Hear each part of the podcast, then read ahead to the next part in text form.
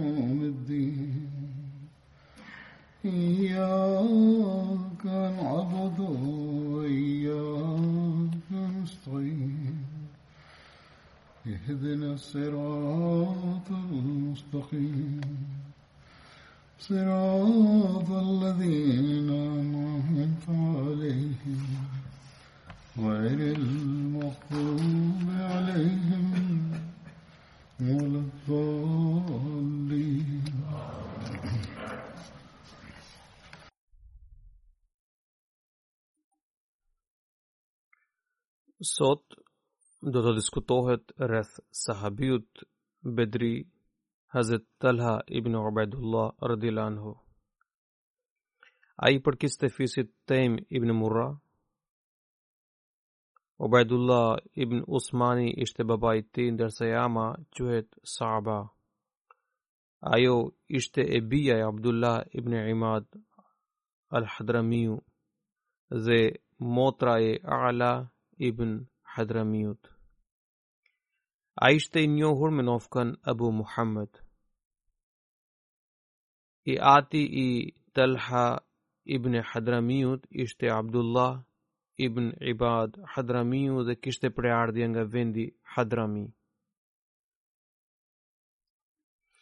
Ai kishte lidhje miqësore me Harb ibn Umayya.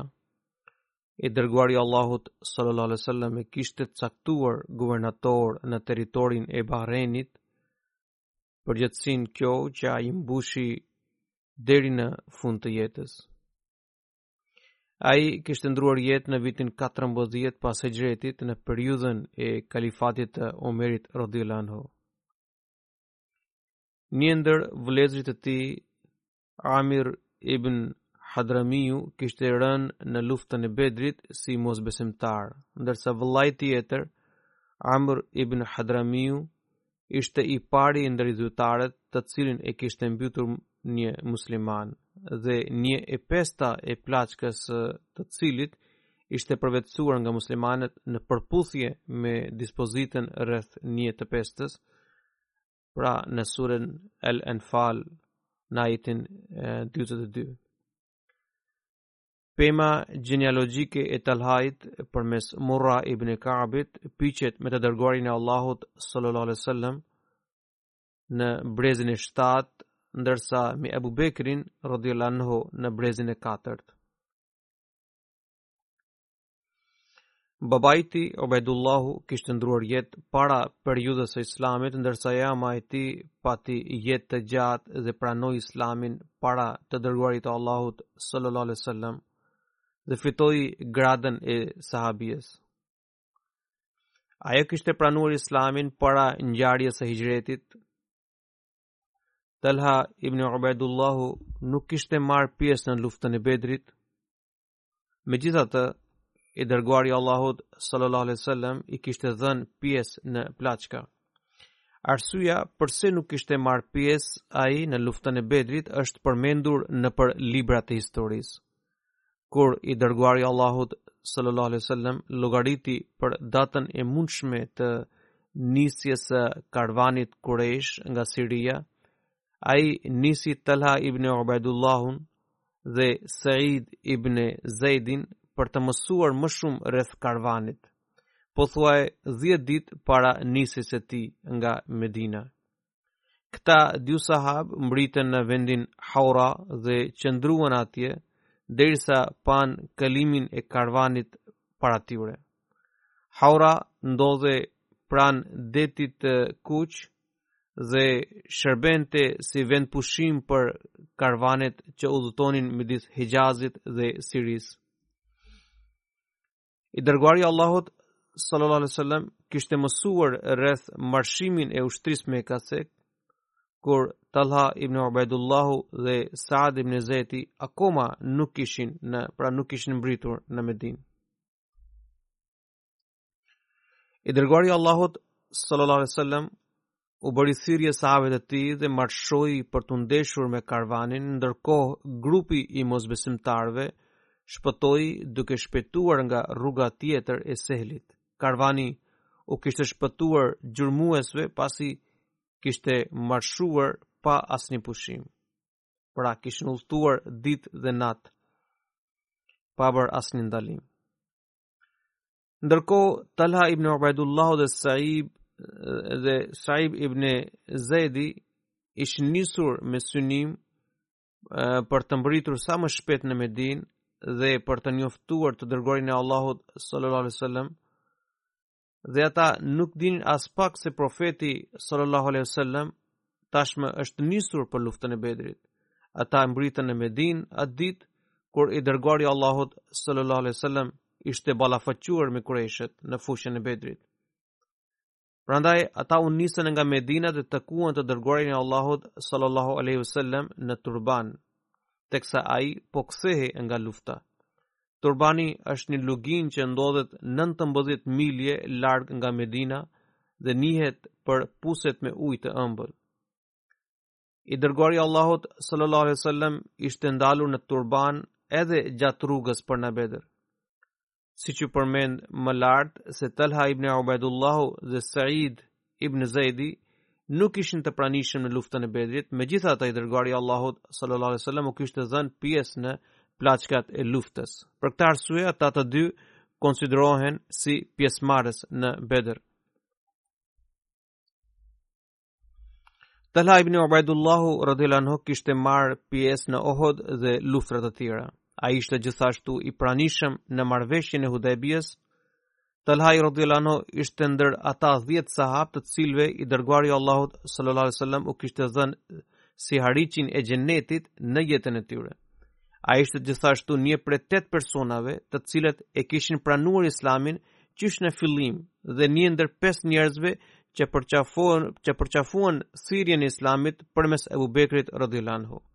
Talhai radhiyallahu anhu ishte një ndër gjashtë anëtarëve të këshillit të themeluar nga Omeri radhiyallahu anhu dhe ishte prej atyre sahabëve me të cilin i dërguari i Allahut sallallahu alaihi wasallam ishte i kënaqur deri në fund.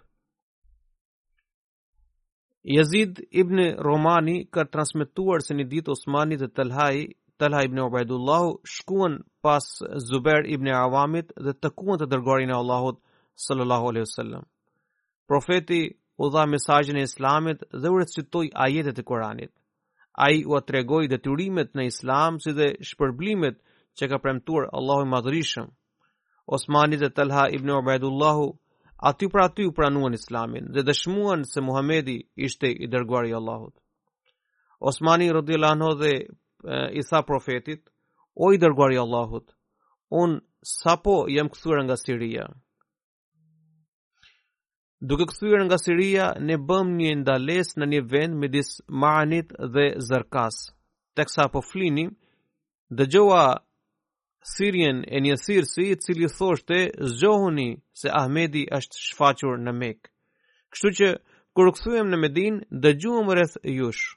Maani është një është po ai vend me të cilin në të cilin gjatë luftës së Mutas ushtria muslimane ishte përballur me ushtrinë romake, e cila kishte 200.000 ushtarë. Sahabët ishin vendosur këtu për 2 ditë. Talha ibn Ubaidullah radhiyallahu anhu ka rrëfyer duke thënë Basra është një qytet i madh sirian. në të cilin i dërguari i Allahut sallallahu alaihi wasallam kishte udhëtuar disa herë për tregti bashkë me xhaxhain e tij. Një herë kur ndodhesha në pazarin e qytetit, dëgjova një murg hebre i cili në sinagogë po pyeste për dikë që mund të kishte ardhur nga toka e haremit. Unë iu përgjigja me pohim, Atëherë ai shtroi pyetjen se a ishte shfaqur Ahmedi? Unë pyeta plot habi se kush ishte Ahmedi? Ai më tregoi se ai është djali i Abdullahut dhe nipi i Abdul Mutelib, Abdul Mutelibit. Kjo është muaji në të cilin duhet të shfaqet ai. Ai është profeti i fundit dhe do të shfaqet në Harem, ndërsa vendi ku do të shpërngulet ai do të ketë kopshte me hurma dhe tokë shterpe e shkëmbore. Ju nuk duhet ta braktisni atë. Fjalët e tij mungul, mungulitën fort në zemër. Unë mbarova punën dhe u nxitova për t'u kthyer në Mekë. U interesova se çfarë kishte ngjarë në Mekë gjatë mungesës sime. Ata më thanë se Muhammed ibn Abdullahu të cilin e quanin emin, pra të besueshëm, ka deklaruar se është i dërguari i Allahut. Dhe Abu ibn Kahafa, pra Abu Bekri radhiyallahu anhu, ka nisur ta ndjekë atë. Unë shkova menjëherë te Abu Bekri dhe e pyeta a me të vërtetë i bindesh atij? pra Muhammedit sallallahu alaihi wasallam, ai u përgjigj me entuziazëm, "Po, ejani të shkojmë tek ai dhe ai dhe ti gjithashtu duhet t'i bindesh atij, sepse ai fton nga e vërteta." Atëherë, Talha ibn Ubaidullah radhiyallahu anhu ia rrëfeu krejt ngjarjen që i kishte ngjarë me murgun hebre në Siri. Ebu Bekri radhiyallahu anhu e shoqëroi atë te i dërguari i Allahut sallallahu alaihi wasallam, ku Talhai e pranoi Islamin.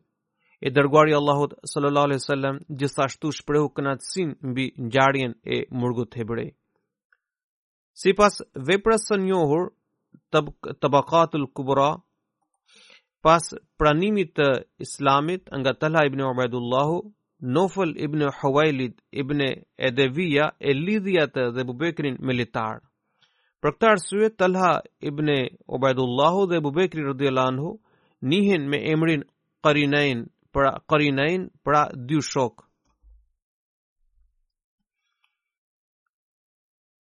Vëllai i Talhait, Osman ibn Ubaidullahu, ishte gjithashtu përfshirë në aktin e prangosjes së tij. Qëllimi i ndalimit ishte që ata të mos takoheshin me të dërguarin e Allahut dhe të hiqnin dorë nga Islami.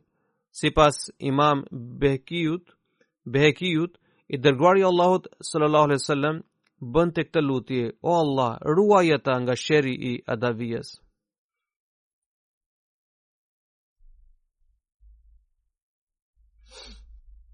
Masud ibn Hayashi transmeton se një ditë po sillesha midis kodrave Safa dhe Merva, kur pashë një turmë njerëzish e cila po ndiqte një djalosh të cilit i kishin lidhur dorë, dorën me qafë.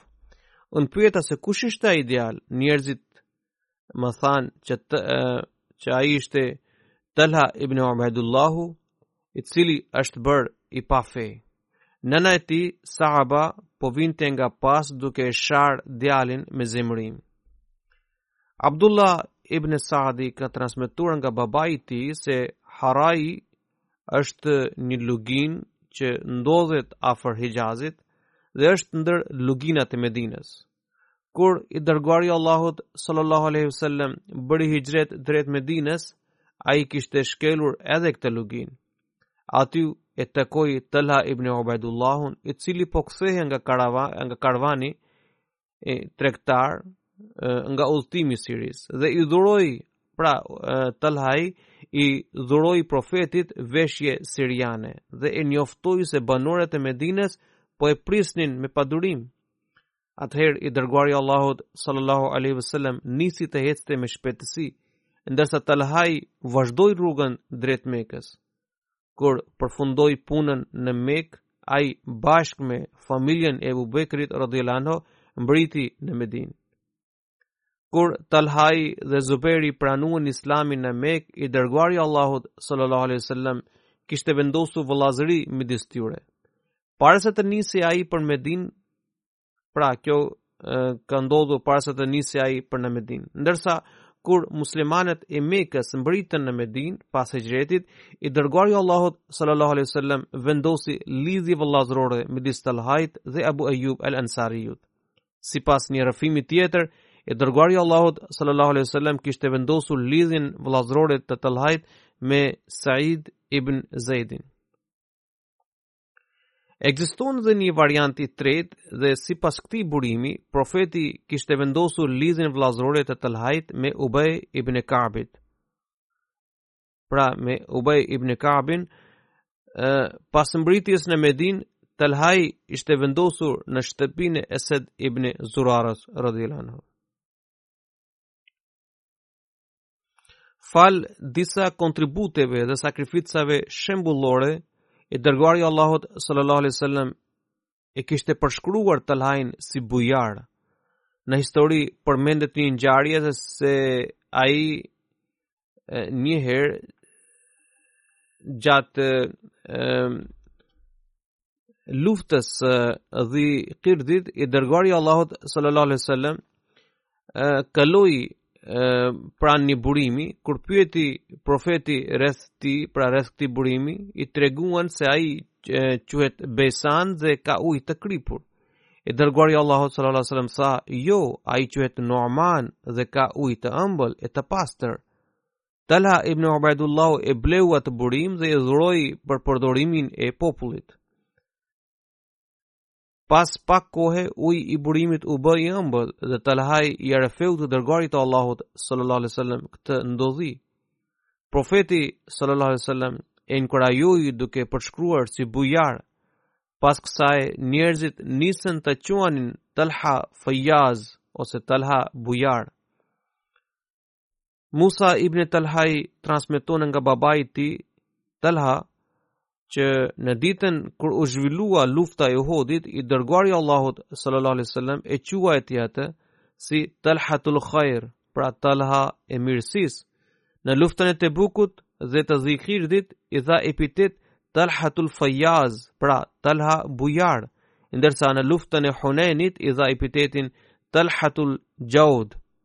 Talha i zemërgjerësisë. Said ibn Zejdi ka transmetuar që ai gjithmonë e shoqëronte Talha ibn Ubaidullahu në udhëtim apo në qëndrim dhe ai nuk kishte parë, pra nuk shkëpute prej tij dhe nuk kishte parë kurrë njeri më bujar dhe më shpirtmadh se ai në dhënien e parave, veshmbathjes dhe ushqimit. Në luftën e Uhudit, i dërguari i Allahut sallallahu alaihi wasallam i kishte lidhur sahabët me be se do të luftonin deri në vdekje. Muslimanët ishin detyruar të zmbrapseshin gjatë luftës. Andaj i dërguari i Allahut sallallahu alaihi wasallam u kishte kërkuar be disa sahabëve. Këta sahabë treguan një qëndresë të pathyeshme përballë sulmit të armikut dhe nuk kursyen as jetën për të mbrojtur të dërguarin e Allahut sallallahu alaihi wasallam. Në këtë përpjekje, disa sahabë ranë martirë. Sahaba që kishin lidhur këtë be ishin Abu Bekri, Omeri, Talhai, Saadi, Sel ibn Hanifi dhe Abu Duxhana. Hazret Talhai radiallahu anhu kishte marrë pjesë në luftën e Uhudit dhe ishte ndër ata sahabë që luftuan me trimëri dhe dhanë qëndresë të lartë dhe u betuan për të luftuar deri në vdekje. Kur Malik ibn Zahiri qëlloi shigjetë për të goditur të dërguarin e Allahut sallallahu alaihi wasallam, Talhai doli përpara dhe e mori shigjetën në dorë dhe kështu mbrojti fytyrën e profetit sallallahu alaihi wasallam. Shigjeta e nguli në gishtin e vogël dhe sakatoi atë. Kur e goditi shigjeta e parë, ai lëshoi një klithmë nga dhimbja e madhe. I dërguari i Allahut sallallahu alaihi wasallam i tha Talhait, që nëse do ta kishte recituar bismillahin, do të hynte në xhenet. Atë ditë një idhujtar e sulmoi Talhain dhe i dha dy goditje të forta në kokë. Një herë kur Talhai po marshonte drejt tij dhe herën tjetër kur ai po tërhiqej. Kjo i kishte shkaktuar gjakderdhje të madhe. Kjo ngjarje përmendet në librin e historisë Sirtul Halbia në mënyrë pak më të hollësishme. Qais ibn Hizime ka transmetuar se në ditën e Uhudit ai kishte parë dorën e Talha ibn Ubaidullahut, e cila ishte gjymtuar duke mbrojtur të dërguarin e Allahut sallallahu alaihi wasallam nga shigjetat. Sipas një transmetimi tjetër, dora e tij ishte goditur nga shtiza dhe i ishte derdhur aq shumë gjak saqë ai kishte humbur ndjenjat. Ai ishte përmendur vetëm pasi Ebu Bekri kishte spërkatur pikat e ujit mbi fytyrën e tij. Sa e mori veten pasi kishte rënë të fikët, Talhai pyeti për gjendjen e të dërguarit të Allahut sallallahu alaihi wasallam. Ebu Bekri radhiyallahu anhu e siguroi se profeti ishte mirë e shëndosh dhe ai e kishte dërguar atë.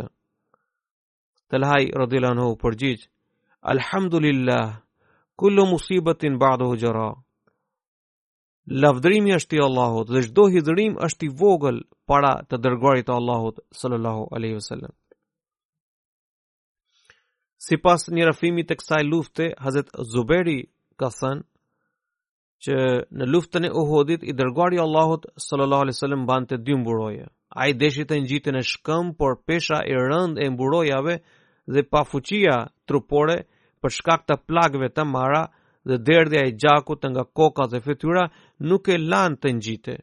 Atëherë i dërguari i Allahut sallallahu alaihi wasallam porositi Talhain të ulej poshtë dhe ai hipi mbi të për t'u ngjitur në shkëmb. Zuberi transmeton se kishte dëgjuar të dërguarin e Allahut sallallahu alaihi wasallam duke thënë që Talhai ka fituar xhenetin.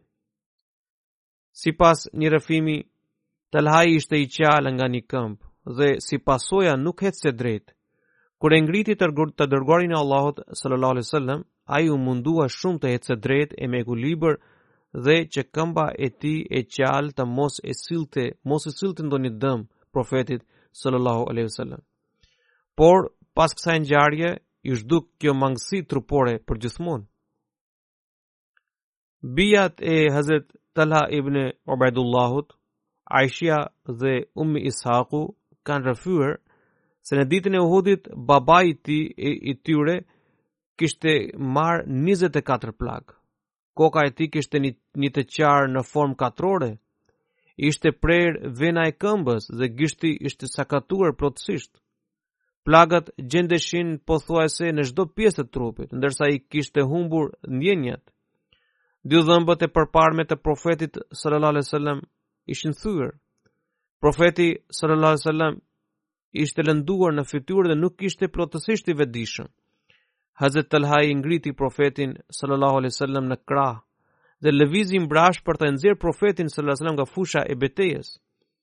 Ai pra Talhai luftonte me idhujtarët në këtë gjendje, dhe i sembë pra duke mbajtur profetin sallallahu alaihi wasallam në krah derisa mbërriti në luginë ku e vendosi profetin sallallahu alaihi wasallam me mbështetje.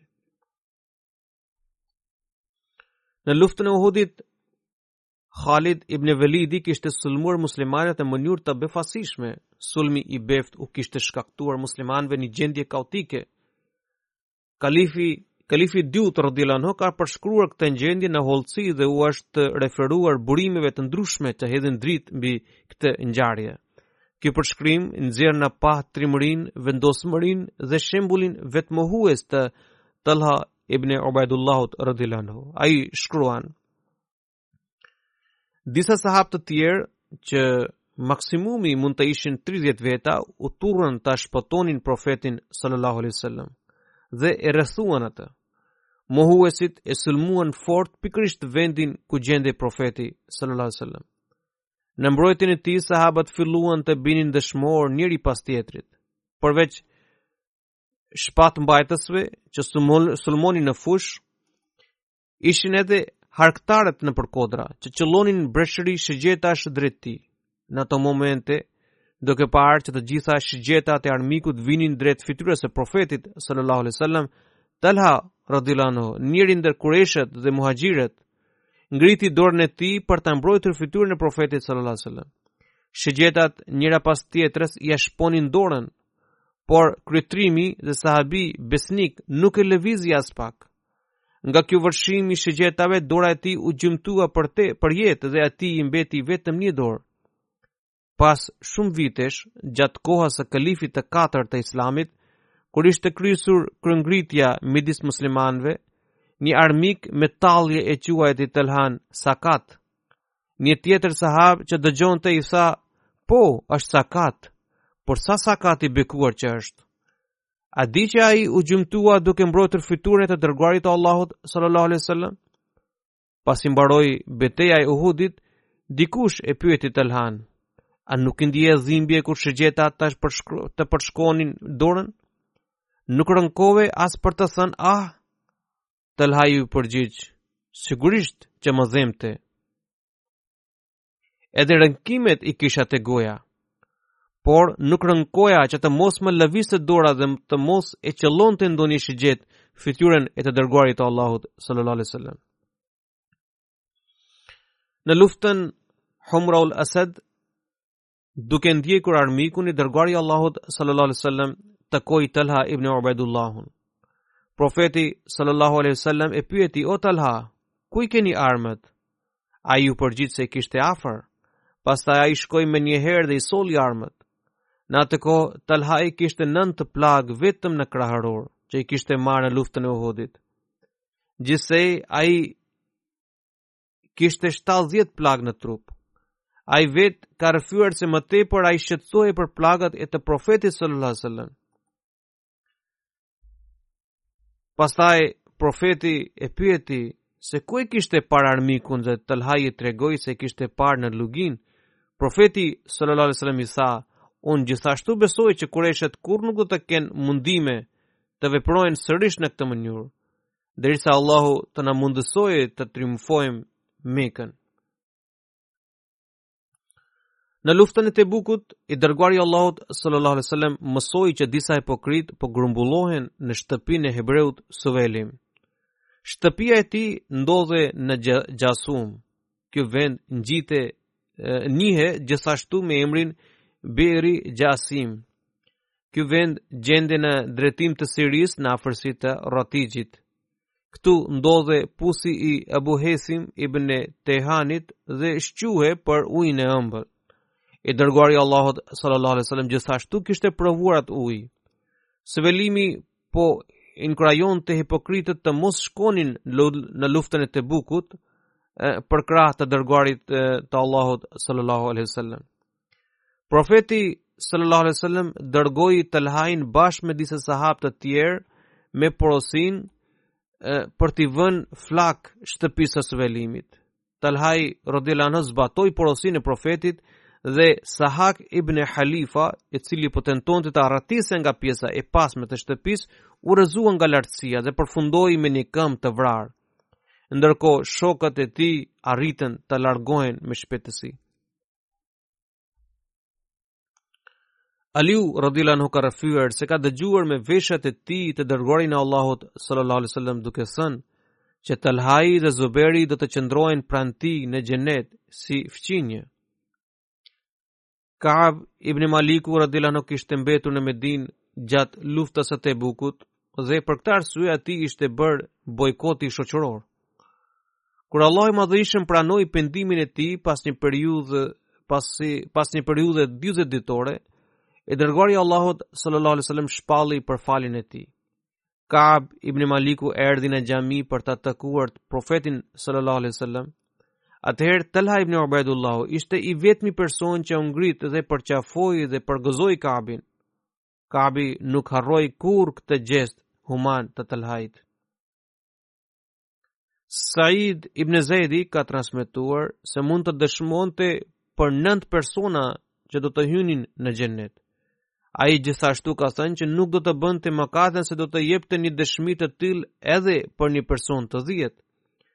Kur të pranishmit e pyetën për hollësinë e kësaj ngjarje, ai u shpreh që ishte me të dërguarin e Allahut sallallahu alaihi wasallam në kodrën e Hiras kur ajo nisi të lëkunde. I dërguari i Allahut sallallahu alaihi wasallam iu drejtua kodrës ndalu o Hira. Sot një profet, një i vërtetë dhe një dëshmor qëndrojnë sipër teje. Kur e pyetën se cilët ishin ata, Said ibn Zejdi radhiallahu anhu tha, i dërguari i Allahut sallallahu alaihi wasallam Ebu Bekri, Omeri, Osmani, Aliu, Talhai, Zubejri, Saadi dhe Abdurrahman ibn Aufi. Këta ishin nëntë persona, e pyetën, cili është personi i dhjetë? Ai pushoi për një çast e pastaj tha, personi i dhjetë jam unë, pra Said ibn Zejdi radhiallahu anhu.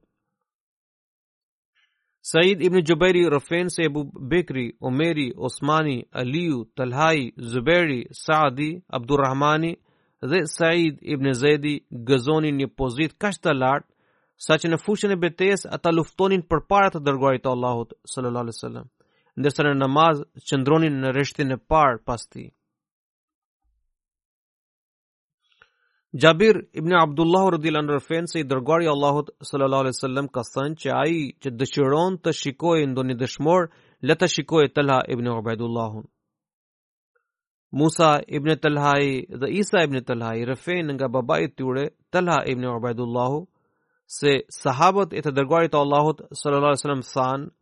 që një herë një beduin erdhi te i dërguari i Allahut dhe e pyeti, "Kujt i referohen fjalët man qada nahbahu?"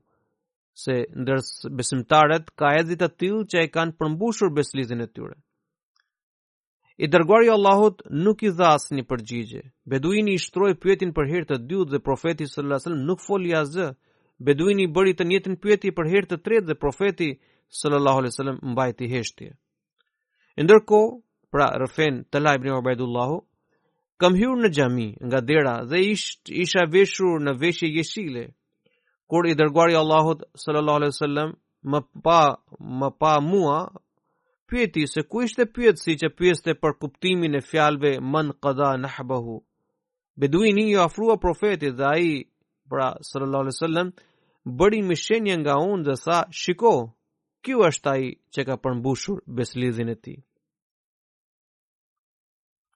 Abdurrahman ibn Osmani rrëfen se një herë ishim me Talha ibn Ubejdullahun dhe kishim veshur ihramin, pra veshjen e haxhit apo tevafit, Dikush na solli si dhuratë mishin e zogut, meqë Talhai radhiallahu anhu po flinte, andaj disa prej nesh hëngrën prej atij mishi, ndërsa të tjerët iu shmangën. Kur u zgjua Talhai radhiallahu anhu, ai mbështeti qëndrimin e atyre që e kishin ngrënë mishin e zogut dhe tha që në kohën e të dërguarit të Allahut sallallahu alaihi wasallam ata gjithashtu kishin ngrënë mishin e gjahut në gjendje të ihramit. kur e kishte sjellë dikush tjetër. Eslemi, skllavi i çliruar nga Omeri radhiyallahu anhu ka transmetuar që Omeri radhiyallahu anhu kishte parë Talha ibn Ubaidullahun në gjendje të ihramit, të veshur me dy këmisha të lyera me dhe të kuq. Ai e pyeti, o Talha, si është puna këtyre veshjeve, pra të ngjyrosura? Ai iu përgjigj, o prijës i besimtarëve, unë i kam lyer vetëm me dhe, Omeri tha, o grup i sahabëve, ju jeni pararendës dhe njerëzit ndjekin shembullin tuaj. Nëse një i paditur ju shikon në këto veshje, ai do të kujtojë se Talhai ka veshur rroba me ngjyrë, edhe pse ishte në gjendje të ihramit. Do ta akuzojë se në vend të rrobave të bardha, Talhai ka veshur rroba me ngjyrë. Sipas një transmetimi tjetër, Omeri radhiyallahu anhu tha, veshja më e përshtatshme për atë që është në gjendje të ihramit është e bardhë. Prandaj mos krijoni dyshime për njerëzit. Hasani radhiyallahu anhu transmeton se një herë Talha ibn Ubaidullahu i shiti Usman ibn Affanit radhiyallahu anhu një tokë kundrejt 700 mijë dirham. Osmani radhiyallahu anhu i pagoi paratë menjëherë. Kur Talha ibn Ubaidullahu radhiyallahu anhu i solli paratë në shtëpi, mendoi që nëse dikush ruan kaq shumë para në shtëpi, nuk i dihet se çfarë vendimi vjen për të prej Zotit. Ai, bashkë me shërbëtorin e tij, kaloi tërë natën duke u sjellë poshtë e lart në rrugicat e Medinës për t'i shpërndarë paratë mes njerëzve në nevojë. Ai u gdhi në një gjendje kur nuk i kishte mbetur asgjë nga ato para. Ibn Xheriri transmeton se një herë Talhai radhiyallahu anhu e takoi Osmanin radhiyallahu anhu kur ai po dilte nga xhamia. Dhe Talhai radhiyallahu anhu i tha se ai i detyrohej atij për 50.000 dirham, paratë këto që tashmë i kishte siguruar. Prandaj, ai iu lut Osmanit radhiyallahu anhu për të dërguar dikë që të merrte ato para. Osmani radhiyallahu anhu i tha, o Talha, ato para ju kam bërë dhuratë për shkak të ndershmërisë suaj. Talhai radhiyallahu anhu kishte rënë dëshmor në luftën e Xhemelit, Kajs ibn Abu Hazimi ka rrëfyer se në ditën e luftës së Xhemelit, Mervan ibn Hakami e kishte qëlluar Talhain me shigjetë dhe që e goditi në gju, që shkaktoi hemorragji. Kur ai e shtrëngonte atë, gjaku i ndalej dhe sa i lëshonte fillonte të derdhej me sasi të madhe. Talhai radhiyallahu anhu bëri këtë lutje, jo, pasha Allahun, akoma nuk na kanë arritur shigjetat e tyre. Pastaj tha, lirojeni plagën, sepse kjo shigjetë është prej Allahut. Talha Ibn Ubaidullah radhiyallahu anhu u martirizua në ditën e luftës së Xhemelit, më 10 Xhemadius Sani, më 36 Hijra. Në kohën e martirizimit ai ishte 64 vjeç. Said ibn Musajebi rrëfen se një njeri po përgojonte Aliun, Talhain dhe Zuberin. Saad ibn Maliku, domethënë Saad ibn Ebi Vekasi, e qortoi atë dhe i tha, mos fol keq për vëllezërit e mi. Por ai nuk pushoi së foluri. Saadi radhiyallahu anhu u ngrit dhe fali dy rekate namaz, pastaj bëri këtë lutje, o Allah, nëse ato fjalë që ka thënë ky njeri të ngjallin zemërim dhe pakënaqësi, të lutem ty, që ta ndëshkosh para meje dhe ta bësh atë shembull për të tjerët. Nuk kaloi shumë që ai njeri doli për t'u kthyer, ndërkohë po rendte një deve e tërbuar, duke çarë turmën, deveja e ndeshi atë njeri në një fushë shkëmbore dhe e përplasi në tokë për vdekje. Transmetuesi shton që kishte parë njerëz të cilët e përgëzonin Saadin për pranimin e lutjes. Ali ibn Zedi transmeton nga babai i tij që një njeri e kishte parë Talhain në ëndërr dhe ai i kishte thënë për t'ia lëvizur varrin në një vend tjetër, pasi uji dhe lagështia i sillnin dëm. Ai e kishte parë këtë ëndërr tri herë, prandaj shkoi te Ibn Abbasi dhe ia rrëfeu ëndrrën. njerëzit shkuan për të kontrolluar vendin e e varrit dhe vërtetuan që ajo pjesë ishte bërë jeshile nga lagështia e madhe. Më pas ata i ndërruan vendin dhe e zvendosën, e zhvendosën në një vend tjetër. Transmetuesi i kësaj ngjarjeje ka thënë që ai sikur akoma po shikon kamfurin që ishte vendosur mbi sytë e tij dhe përveç ngjyrës së flokëve, trupi nuk kishte pësuar asnjë ndryshim. Ata blejnë një ndër shtëpitë e Ebu Bekras, kundrejt një pagese prej 10.000 dirhamësh dhe e varrosën Talhain atje. Talha ibn Ubaidullah radhiyallahu anhu fitonte 4 ose 500 mijë dirhamë nga të korrat e Irakut. Po ashtu ai fitonte 10 mijë dinarë nga drithërat që prodhoheshin në rajonin Sara, që ndodhej në perëndim të gadishullit arab. Vargmali që shtrihej nga veriu në jug, njihej gjithashtu me emrin Xhebalus Sara. Nuk kishte asnjë familje të varfër në Benu Tejm, në Benu Tejm, që të mos mbështetej dhe furnizohej nga Talhai radijallahu anhu. Nuk kishte gra të ve që të mos i, ket, mos i kishte martuar. Nuk kishte njerëz skamës që të mos kenë marrë përkrahje prej tij dhe nuk kishte njerëz të rënduar nga borxhet që të mos i kishte shlyer borxhet.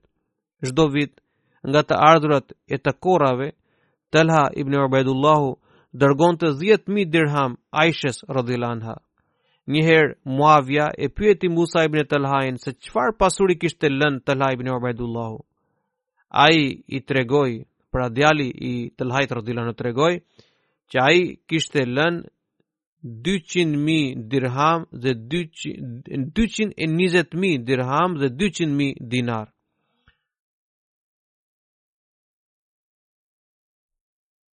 Të gjitha të ardhurat e tij buronin nga të korrat që vinin nga tokat që gjendeshin në vende të ndryshme. Talha ibn Ubejdullahu kishte rënë dëshmor në luftën e Xhemelit. Do ta rrëfej këtë ngjarje me hollësi në hytben e ardhshme, inshallah do t'u gjeni sqarim disa çështjeve të cilat na ngrihen në mendje. Këtë do ta rrëfej në xhumanë e ardhshme. Ashtu siç kam thënë në xhumanë e kaluar, vazhdoni të merrni masat parandaluese kundër epidemisë së koronavirusit, duhet të merrni të gjitha masat nëse vini në xhami. Duhet t'u shmangeni vendeve të tilla publike nëse vuani nga temperatura sado e ulët apo ndieni dhimbje apo lodhje trupore. Ruhuni vetë dhe ruajni të tjerët, kushtojini vëmendje lutjes, Allahu e ruajttë botën nga çdo lloj fatkeqësie.